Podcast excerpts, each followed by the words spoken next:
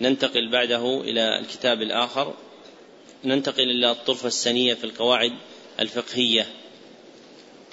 نعم في الأخير الحادي عشر. صفحة 473 نعم. الحمد لله رب العالمين وصلى الله وسلم على نبينا محمد وعلى آله وصحبه أجمعين. قال شيخنا أبو عمرو صالح بن عبد الله بن حمد العصيمي حفظه الله تعالى. الطرفة السنية في القواعد الفقهية. بسم الله الرحمن الرحيم. الحمد لله وحمده حق وصلى الله وسلم على عبده ورسوله محمد وعلى آله وصحبه أجمعين. أما بعد فهذه تحفة مستطرفة في علم قواعد الفقه. مرادي أن تكون ذوق الحلاوة ومفتاح البداءة في علم القواعد الفقهية. فيها جملة من المقاصد عز وجودها في أخواتها كحد القاعدة الفقهية لغة واصطلاحا ومصادرها وغايتها وخمسها الكلية بصياغة سالمة من الاختلال موافقة للدليل الدال. نفع الله بها من شاء من عباده وأسأله وأسأله ألا يحرمنا مزيد فضله وإمداده. بين المصنف وفقه الله أن هذه الأرجوزة تحفة مستطرفة أي مستملحة في علم قواعد الفقه أريد منها أن تكون ذوق الحلاوة أي مبتدأها فإن المرء إذا ذاق حلاوة علم تطلع إلى بقيته وهي مفتاح البداءة في علم القواعد الفقهية. فهي في هذا الفن بمنزلة البيقونية في علم مصطلح الحديث أو تحفة الأطفال في علم التجويد مع تضمنها جملة من المقاصد التي عز وجودها في أخواتها من نظائرها من المنظومات في هذا الفن كحد القاعدة الفقهية لغة واصطلاحا وبيان مصادرها المستجلبة منها مع ذكر غايتها وخمسها الكلية بصياغة سالمة من الاختلال موافقة للدليل الدال كما سيأتي في محله بإذن الله تعالى فنسأله سبحانه أن ينفع بها من شاء من عباده وألا يحرمنا مزيد فضله وإمداده. نعم. الحمد لله العلي الأعلى ثم الصلاة مع سلام مجلى على النبي سيد الأنام وآله وصحبه الكرام. وبعد ذي أرجوزة القواعد نظما دنت فلا تكن بقاعد. هي الأساس للبناء لدى العرب وحدها صناعة لمن طلب. قضية للفقه زد كلية. منثورة الأبواب للجزئية. ذكر الناظم بعد ديباجة كتابه المستفتحة بالحمد والصلاة على النبي صلى الله عليه وسلم أن هذه الأرجوزة في فن القواعد وأل فيه عهدية فيراد بها القواعد الفقهية لأنها مضمن الكتاب كما سلف. والأرجوزة إفعولة من الرجز وهو أحد بحور الشعر المعروفه وإلى ضابطه أشار أحمد الهاشمي في نظمه بقوله والرجز البادي لنا ثناؤه مستفعلا ستا ترى أجزاؤه ثم حرض متلقيها على الوثوب إليها باستخراج معانيها وتفهم ما فيها إذ قال نظما دنت أي قربت فلا تكن بقاعد أي قاعد عن إدراك معانيها ثم ذكر معناها لغة واصطلاحا فقال هي الأساس للبناء لدى العرب فحدها في اللسان العربي هو الأساس. ومنه قوله تعالى وإذ يرفع إبراهيم القواعد من البيت يعني يرفع أساسات البيت. وأما حدها الاصطلاحي فأشار إليه بقوله وحدها صناعة لمن طلب. والحد الصناعي هو الحد الاصطلاحي وكان القدماء يعبرون عنه بذلك. ذكره ابن فارس في كتاب الصاحب لأن العلم صناعة من الصناعات وهو صناعة العقل. وهذا الحد الاصطلاحي ذكره بقوله قضية للفقه زد كلية منثورة الأبواب للجزئية. فالقاعدة الفقهية اصطلاحا هي قضية كلية فقهية تنطبق على جزئياتها من أبواب متعددة. قضية كلية فقهية تنطبق على جزئياتها من أبواب متعددة.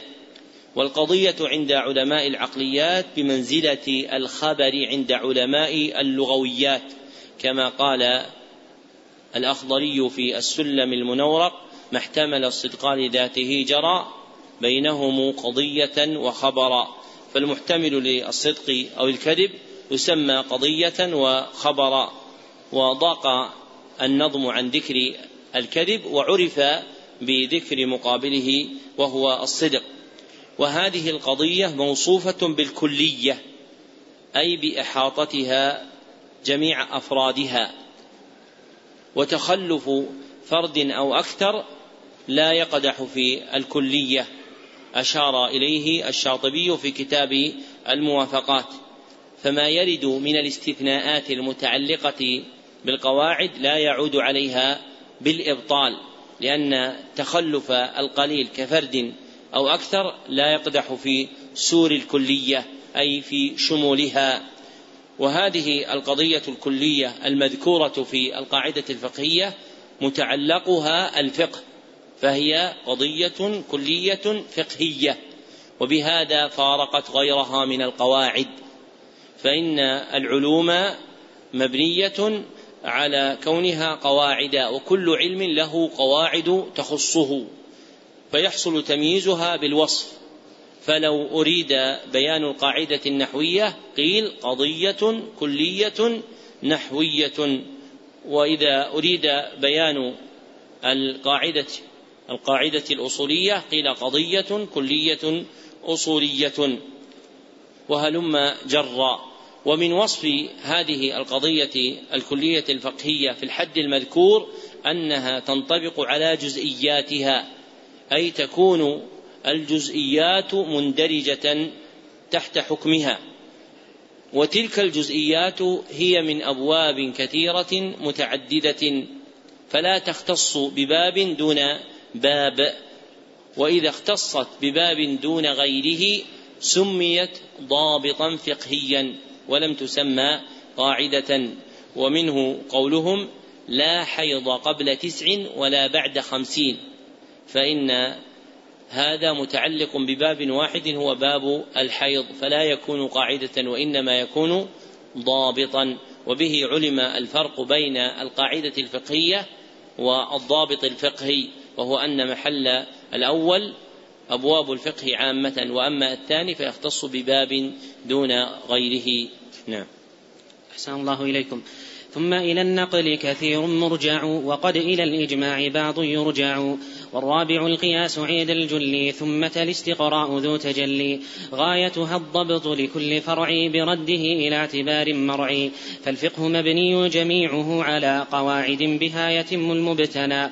ومن لها دراية قد أدرك فهو الحقيق أن يكون المدركا ذكر المصنف وفقه الله جملة أخرى من المعاني المحتاج إليها في عقل القواعد الفقهية مبينا مصادرها إذ قال ثم إلى النقل كثير مرجع وقد إلى الإجماع بعض يرجع والرابع القياس عند الجل ثم الاستقراء ذو تجلي فمصادر القواعد الفقهية خمسة أولها القرآن وثانيها السنة وهذان المصدران مندرجان في قوله ثم إلى النقل كثير مرجع.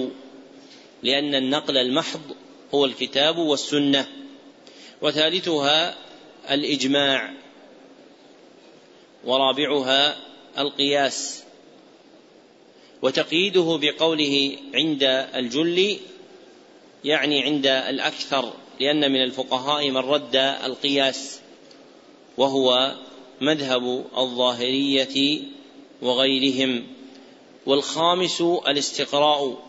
المذكور في قوله ثمة وهي لغة في ثم. ثمة الاستقراء ذو تجلي أي ذو ظهور. والاستقراء هو تتبع الجزئيات للدلالة على الكليات. كما قال الأخضر في السلم المنورق وإن بجزئي على كلي استدل فذا بالاستقراء عندهم عقل يعني عرف وضبط. ثم ذكر المصنف وفقه الله مسألة أخرى تتعلق بعلم القواعد الفقهية وذلك ببيان الغاية منه فقال غايتها الضبط لكل فرع برده إلى اعتبار مرعي فمما تفضي إليه معرفة القواعد الفقهية رد الفروع إلى أصولها وضبطها ضبطا صحيحا لا يلتبس على مدركها لمعرفته بمأخذها في الخطاب الشرعي الطلبي. ثم أوغل في بيان هذه الغاية بالتنبيه على حقيقة الفقه إذ قال فالفقه مبني جميعه على قواعد بها يتم المبتنى فبناء الفقه مشيد على قواعد وأصول مضبوطة بها تمام مبتناه. وإلى هذا البناء أشار عبد الحق السنباطي أحد فقهاء الشافعية في القرن التاسع إذ قال الفقه الجمع والفرق أي أن الفقه مبني على جمع صور المسائل المتشابهات والتفريق بين صورها المختلفات وهذا الجمع والفرق لا يتجلى إلا بأصول وقواعد منتظمة مضطردة. ثم قال ومن لها دراية قد أدرك فهو الحقيق أن يكون المدرك أي أن المدرك للقواعد التي يبنى عليها الفقه هو الجدير أن يكون المدرك للفقه حقيقة وأعلى درجات إدراك الفقه هو الاجتهاد.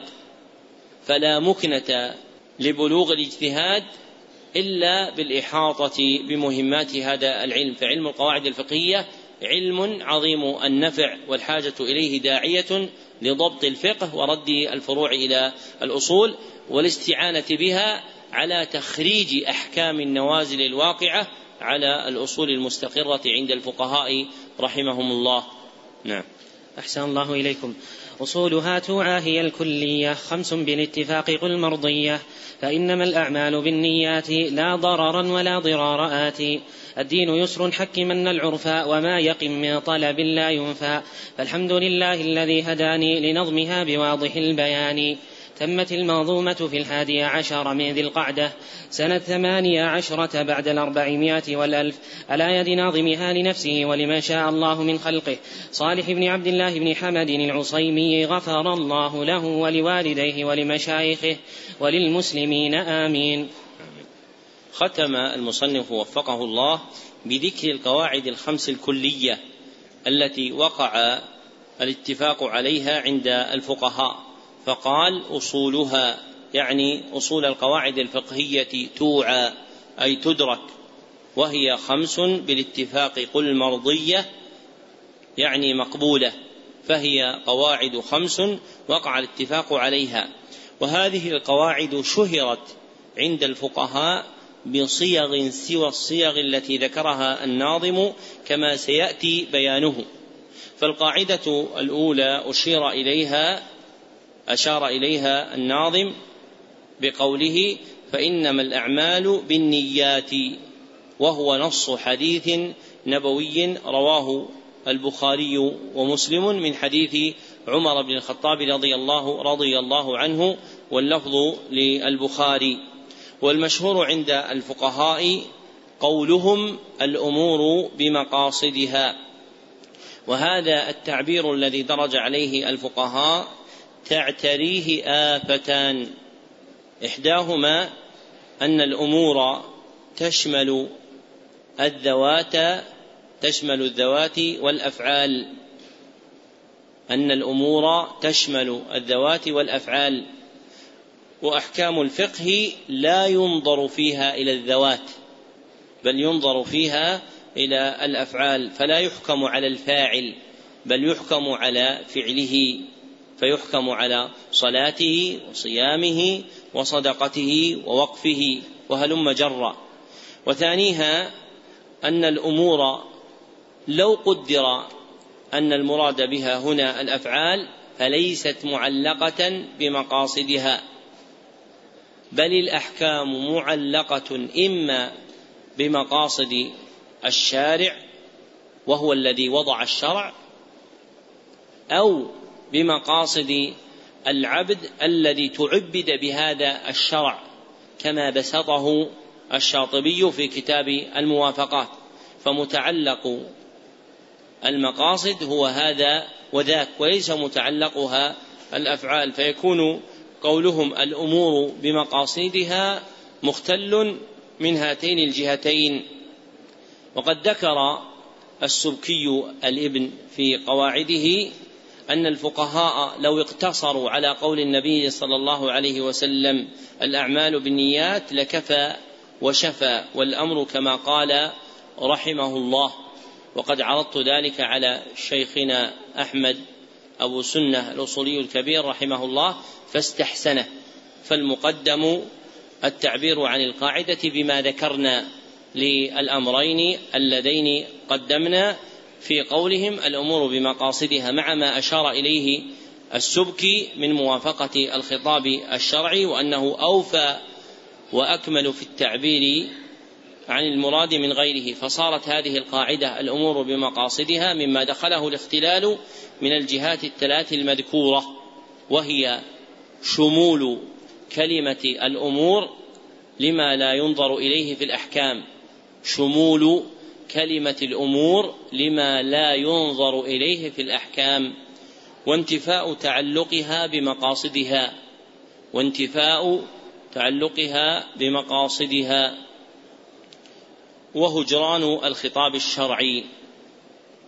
ثم أشار إلى القاعدة الثانية بقولهم لا ضرر ولا ضرار لا ضررا ولا ضرار آتي وهي نص حديث نبوي رواه ابن ماجه من حديث ابن عباس رضي الله عنهما. ويروى من وجوه يشد بعضها بعضا. قاله النووي وغيره فهو حديث حسن. والفقهاء رحمهم الله يذكرون هذه القاعدة بقولهم الضرر يزال. وبين العبارتين فرق. فإن قول الفقهاء الضرر يزال يختص بضرر وقع. يطلب رفعه. يختص بضرر وقع يطلب رفعه. وأما العبارة الواردة في الحديث النبوي فتشمل هذا وتشمل أيضا ضررا متوقعا يطلب دفعه. ضررا متوقعا يطلب دفعه. فالضرر المطلوب نفيه في هذه القاعدة لا ضرر ولا ضرار يشمل نوعين. أحدهما الضرر الواقع أن يرفع. الضرر الواقع أن يرفع. والآخر الضرر المتوقع أن يدفع. الضرر المتوقع أن يدفع. فالأكمل هو قولنا لا ضرر ولا ضرار للدلالة على القاعدة تبعا للوارد في الحديث. لا القول المشهور الضرر يزال. فعدل عن الثاني إلى الأول لأمرين. أحدهما انتخاب العبارة الشرعية وتقديمها. انتخاب العبارة الشرعية وتقديمها والآخر شمولها لما يطلب نفيه شرعا من الضرر. شمولها لما يطلب نفيه شرعا من الضرر. ثم أشار إلى القاعدة الثالثة بقوله الدين يسر. وهذه أيضا قطعة من حديث نبوي رواه البخاري من حديث أبي هريرة رضي الله عنه بلفظ إن هذا الدين يسر والفقهاء رحمهم الله يعبرون عن هذه القاعدة بقولهم المشقة تجلب التيسير وهذا البناء في صياغتها فيه خلل من وجوه. أحدها أن المشقة ليست هي الجالبة للتيسير أن المشقة ليست هي الجالبة للتيسير. ليست هي الجالبه للتيسير بل الجالب للتيسير هو الحكم الشرعي. بل الجالب للتيسير هو الحكم الشرعي. فإن حكم الله عز وجل بالتخفيف في شيء هو الذي حصل به التيسير. وتجويزه لغة لا يدفع الإيراد المذكور لأن متعلق الفقه هو الحكم هو الحكم الشرعي الطلبي فتنبغي رعايته. والثاني أنه لم يأتي تعليق هذا الحكم في الخطاب الشرعي بالمشقة. أنه لم يأتي في الخطاب الشرعي تعليق هذا الحكم بالمشقة وإنما جاء تعليقه بالعسر. كما قال الله تعالى يريد الله بكم اليسر ولا يريد بكم العسر. وقال تعالى وما جعل عليكم في الدين من حرج أي من ضيق وعسر. ولأجل هذا عدل العلامة ابن سعدي عن تعبير الفقهاء بالمشقة تجلب التيسير إلى قوله المشقة إلى قوله التعسير يجلب التيسير وما ارتضاه أحسن مما شهر عند الفقهاء لموافقته الخطاب من هذه الجهة المذكورة. والثالث أن المشقة لا تنفك عن الأحكام الشرعية. أن المشقة لا تنفك عن الأحكام الشرعية فما من عمل شرعي إلا وفيه مشقة لأن النفس البشرية مجبولة على الظلم والجهل وإخراجها عنه يحتاج إلى مجاهدتها بمراغمتها وإكراهها على الامتثال. والرابع أن المشقة ليس لها حد منضبط أن المشقة ليس لها حد منضبط. وأما التعسير فيمكن ضبطه. وأما التعسير فيمكن ضبطه بأنه الملجئ إلى الحرج والضيق. وأحسن من ذلك ترك ذكر التعسير والاكتفاء بقوله صلى الله عليه وسلم الدين يسر. فزد على هذا أمرا خامسا وهو أن الخطاب النبوي مقدم على كلام غيره من الخلق فالدين يسر أصح من قولهم المشقة تجلب التيسير. ثم أشار إلى القاعدة الرابعة بقوله حكمن العرف. المفيد أن العرف محكم أن يرجع إليه في الحكومة لبيان معنى شيء أو تمييز مبهم أو غير ذلك. فمعنى قولهم محكم أي محكوم به.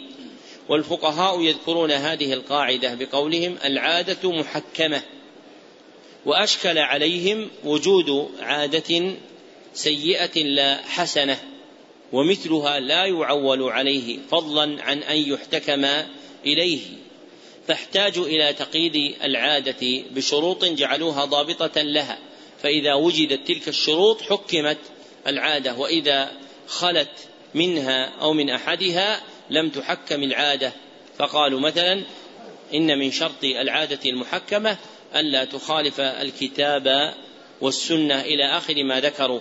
ولو أنهم قالوا العرف محكم ما احتيج إلى هذه الشروط لأن صحة العرف لا يكون إلا باجتماعها وهو الذي وقع اختياره في الخطاب الشرعي. فقال الله خذ العفو وأمر بالعرف أي المعروف بين الناس.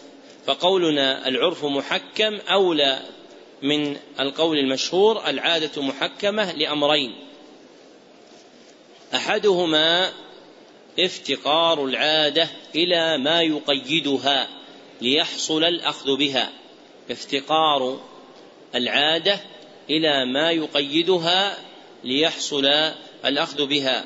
والثاني أن اسم العرف موجود مدحه والأمر به في الخطاب الشرعي. أن اسم العرف موجود مدحه والأمر به في الخطاب الشرعي بخلاف العادة.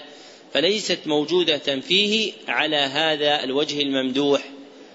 بخلاف العادة فليست موجودة فيه على هذا الوجه الوجه الممدوح. ثم أشار إلى القاعدة الخامسة بقوله وما يقن من طلب لا ينفى. يعني أن اليقين الطلبي لا ينفى. والفقهاء يذكرون هذه القاعدة بقولهم اليقين لا يزول بالشك. اليقين لا يزول بالشك. فإذا ورد الشك على محل يقين فإنه لا يزيله بل يبقى محكوما به. إلا أن الفقهاء في المذاهب المتبوعة قالوا في كتاب الحدود والمرتد من انتقض إسلامه بقول أو فعل أو اعتقاد أو شك فجعلوا الشك الوارد على يقين عند مسلم قاضيا عليه بنقض ذلك اليقين. فلو قدر أن مسلما ثبت إسلامه بيقين شك في قدرة الله عز وجل أو وجوده. أو غير ذلك فإنه يكفر.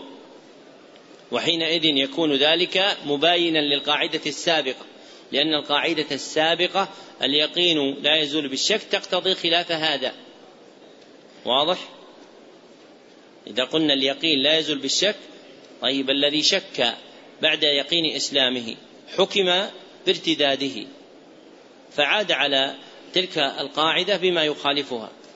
والتأليف بين ذلك أن نقول إن اليقين الذي لا يزيله الشك هو اليقين الطلبي المتعلق بالأمر والنهي. أما اليقين الخبري فإنه إذا ورد عليه الشك زال. فلا بد من تقييد القاعدة بأن نقول اليقين الطلبي لا يزول بالشك. فأل مقدرة على العهد لكن لا بد من الإفصاح به ليتميز الموضع الآخر المذكور عند الفقهاء وهو متعلق بأحد نوعي الخطاب الشرعي وهو الخطاب الطلبي. فمثلا لو قدر أن انسانا توضأ ثم شك في وضوئه فحينئذ يزول الشك يزول اليقين أم لا يزول؟ لا يزول. لماذا؟ لأن متعلقه اليقين الطلبي ولو أن إنسانا منتسبا إلى الإسلام بيقين شك في وجود الله سبحانه وتعالى فإن ذلك الشك يرد على يقينه فيزيله أو لا يزيله؟ فيزيله. لماذا؟ لأن متعلقه الخبري وبهذا يتبين سواء السبيل في تحرير صياغة هذه القاعدة بأن يقال اليقين الطلبي لا يزول بالشك. ثم ختم الناظم بحمد الله سبحانه وتعالى على هدايته لنظم هذه القواعد بواضح البيان السهل القريب. وبهذا يكون تمام بيان معاني هذه المنظومة على الوجه الذي يحتمله المقام. بعد صلاة المغرب إن شاء الله تعالى تكون قراءتنا في كتاب القريض المبدع. وفق الله الجميع لما يحب ويرضى الحمد لله رب العالمين. صلى الله وسلم على عبده ورسوله محمد وآله وصحبه أجمعين. واكتبوا وثيقة السماع كالمعتاد فإنا قد أجزناكم بها تبعا للأصل في القراءة.